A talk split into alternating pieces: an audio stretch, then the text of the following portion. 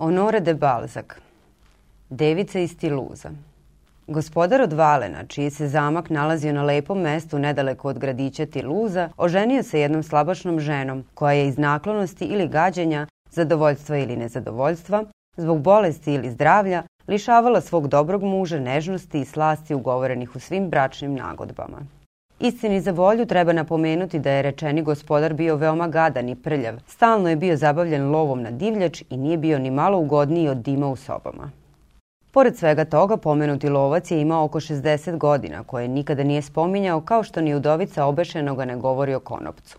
Ali priroda koja obasipa ovu našu zemlju bogaljima, slepcima i rugobama, ne cenići ih više nego lepe, jer ona poput tapetarskih radnja ne zna šta čini, daje svima iste prohteve i istu naklonost prema jelu. Zbog toga svaka životinja pronađe svoju staju, odakle i poslovica. Nema tako ružnog lonca da mu se ne bi našao poklopac. Zato je gospodar od Valena tražio svugde ljubke lončiće da ih poklopi i često je pored divljih lovio i pitome životinje. Ali zemlja je veoma oskudevala u toj divljači dugih haljina i devičanstvo je bilo na veoma visokoj ceni. Ipak, stalno njuškajući i raspitujući se, gospodar od Valena je saznao da u Tiluzu živi udovica nekog tkača, koja posjeduje pravo blago u vidu 16-godišnje devojčice, koja se nikad nije odvojila od majčina skuta i koju udovica prati čak i na najintimnija mesta iz prevelike majčinske predostrožnosti. Polaže je u svoj krevet, čuva je, diže je izjutra, pušta je samo na takve poslove da njih dve zarade jedva dva suva dnevno. A za praznike je drži na uzici u crkvi jedva je dopuštajući da pročevrlja koju reč sa mladićima, pa i tada treba držati ruke što dalje od device ali vremena su bila tako teška da su udovica i njena kći imale baš toliko hleba da ne umru od gladi. I pošto su stanovale kod jednog siromašnog rođaha, često im je nedostajalo drva zimi, a odela leti. Dugovale su toliko za stanarinu da bi se uplašio i sudski izvršitelj, a ti se bar ne prepadaju tako lako zbog tuđih dugova. Jednom rečju, što je devojčina lepota bila veća, veća je bilo i odovičino siromaštvo i ona se veoma zaduživala zbog devičanstva svoje kćeri, kao alhemičar zbog retorte u kojoj sve otapa. Pošto se dovoljno propitao i raspitao, pomenuti gospodar od Valena dođe jednog kišnog dana, tobož slučajno, u kućerak dveju prelja i da bi se osušio posla po drvo u obližnju šikaru. Zatim u očekivanju on sede na klupicu između dve sirote žene. Zahvaljujući senkama i polumraku u kolibi, on ugleda milo lice device iz Tiluza. Njene jedre ruke, rumene i čvrste, njene grudi tvrde poput bedema koje štite srce od hladnoće. Njen zaobljeni stas, sve tako sveže i čisto i razigrano i gizdavo poput prvog mraza. Mlado i nežno poput aprilskog izdanka, jednom rečju, bila je lepa koliko se samo zamisliti može. Pogled njezinih modrih očiju bio je skroman i pametan i još blaži od bogorodičinog, jer još nije toliko napredovala s obzirom da nije imala dece.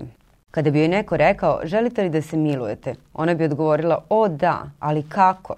Toliko je izgledala naivna i malo pristupačna shvatanju suštine stvari.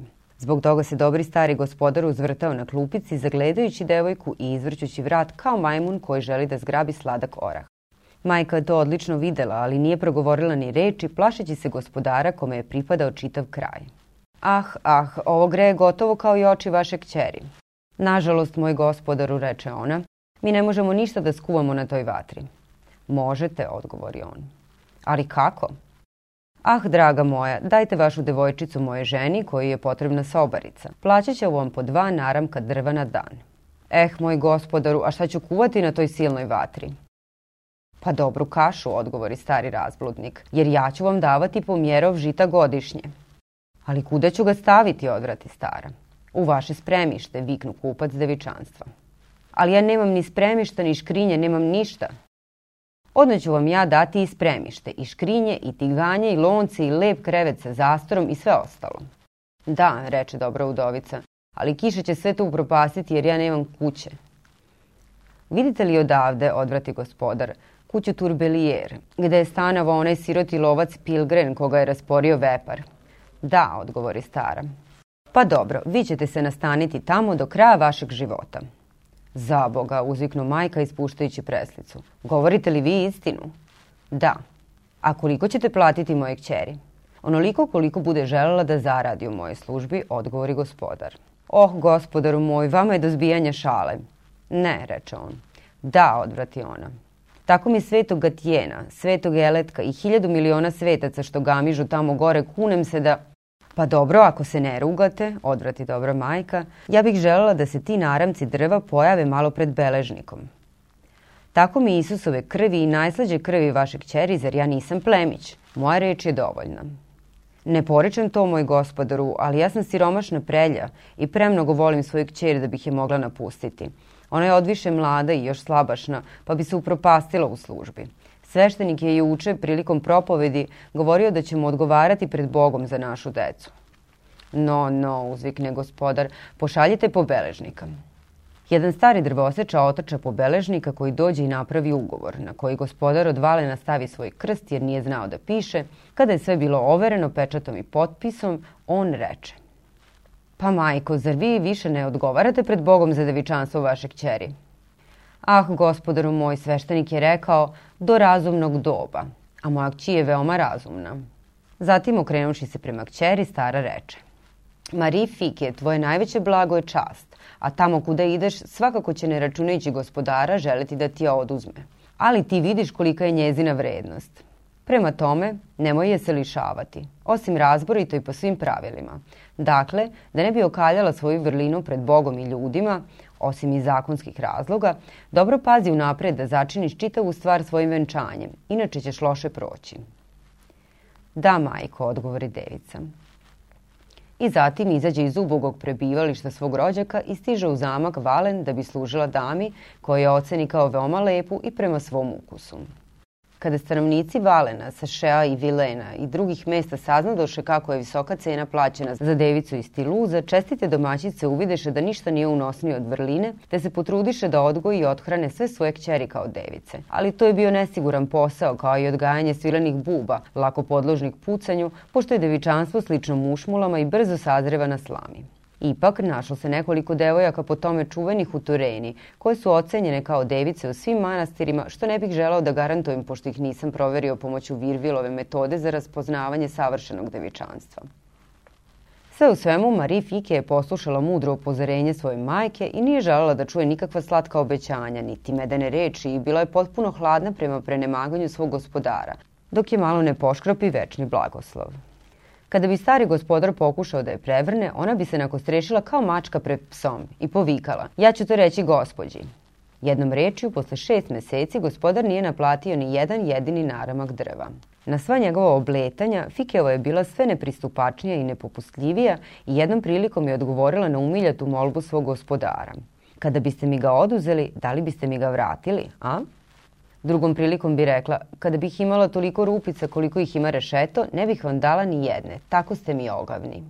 Čestiti starac je primao te prostačke reči kao cvet vrline i stalno joj je obasipao sitnim znacima pažnje, dugim govorima i hiljadama zakletvi, jer gledajući bujne devojčine grudi i njene zaobljene butine koje su se jasno ocrtavale pri izvesnim pokretima kroz suknju i diveći sa ostalim stvarima koje bi zaludele i sveca, taj dobričina se zaljubio u nju staračkom strašću koja raste geometrijskom proporcijom suprotno mladalačkoj, pošto starci vole slabošću koja raste, a mladići snagom koja opada. Da bi otklonio sve razloge zbog kojih ga je odbijala ta vražja cura, gospodar pozva nasamo svog ključara, starog preko 70 godina, i reče mu da mora da se oženi da bi se zagrejao i da bi Marija Fike bila baš za njega. Stari ključar koji je stekao 300 livara rente godišnje, vršeći razne službe po kući, želeo je da živi u miru, ne otvarajući ponovo prednju kapiju. Ali dobri gospodar, zamolivši ga da se oženi pomalo njemu za volju, uveri ga da se neće morati brinuti o svojoj ženi. Tada se stari ključar obaveza po dužnosti na taj brak. Na dan zaruka Marija Fik je oslobođena svih svojih razloga i ne mogavši ništa da prebaci svom udvaraču, zatraži veliki miraz i otkupninu zbog oduzimanja nevinosti. Zatim dopusti tom tikvanu da dolazi kad god zaželi da spava s njom, obećavajući mu toliko dobrih pogodaka koliko je zrna žita dao njenoj majci. Ali u njegovim godinama dovoljan je i jedan vagon.